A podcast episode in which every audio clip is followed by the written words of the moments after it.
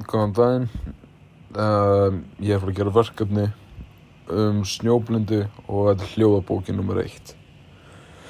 Fyrsta spurningin er viðbröð, erum, við erum að tala um viðbröðinu við Kristínar þegar Ari sagði að veist hann fekk starf við lauruglun á Siglufyrði og hvers vegna held ég að hún hafi brugðið svona við.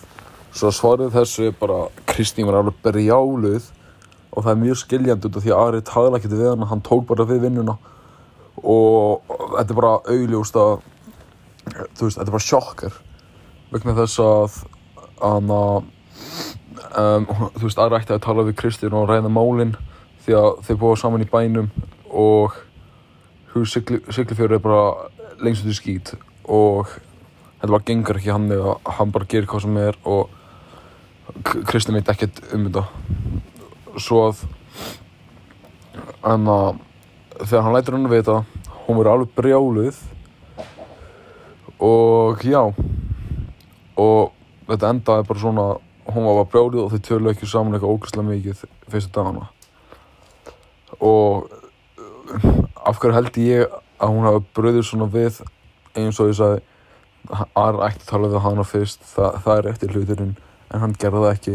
Svo það er mjög skiljandi að hann bara allir er bara ég er að fara til Siglufjörðar þú veist, þetta virkar ekki svoleiðis og svo spurningin nummer tvö er hvernig leist Ara á Siglufjörð þegar hann kom með Tómasi?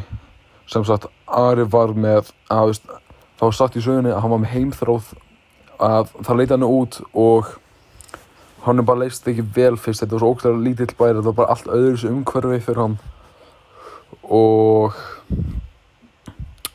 já, þetta er einu sem getur sagt það er bara, það er mikið snjókoma hana aðna um, bærin lukkaði svo lítill eitthvað og Ari er, var ekki vanur þessu. Svo hann var með svona heimþráð og honum leist ekki, honum leist ekki eitthvað ógeðslega vel. Og, og svo þegar hann fór í húsið sitt í Siglufjörði þá var hann bara hvað í anskotanum var ég að gera? Það, stendur hann í bókinni.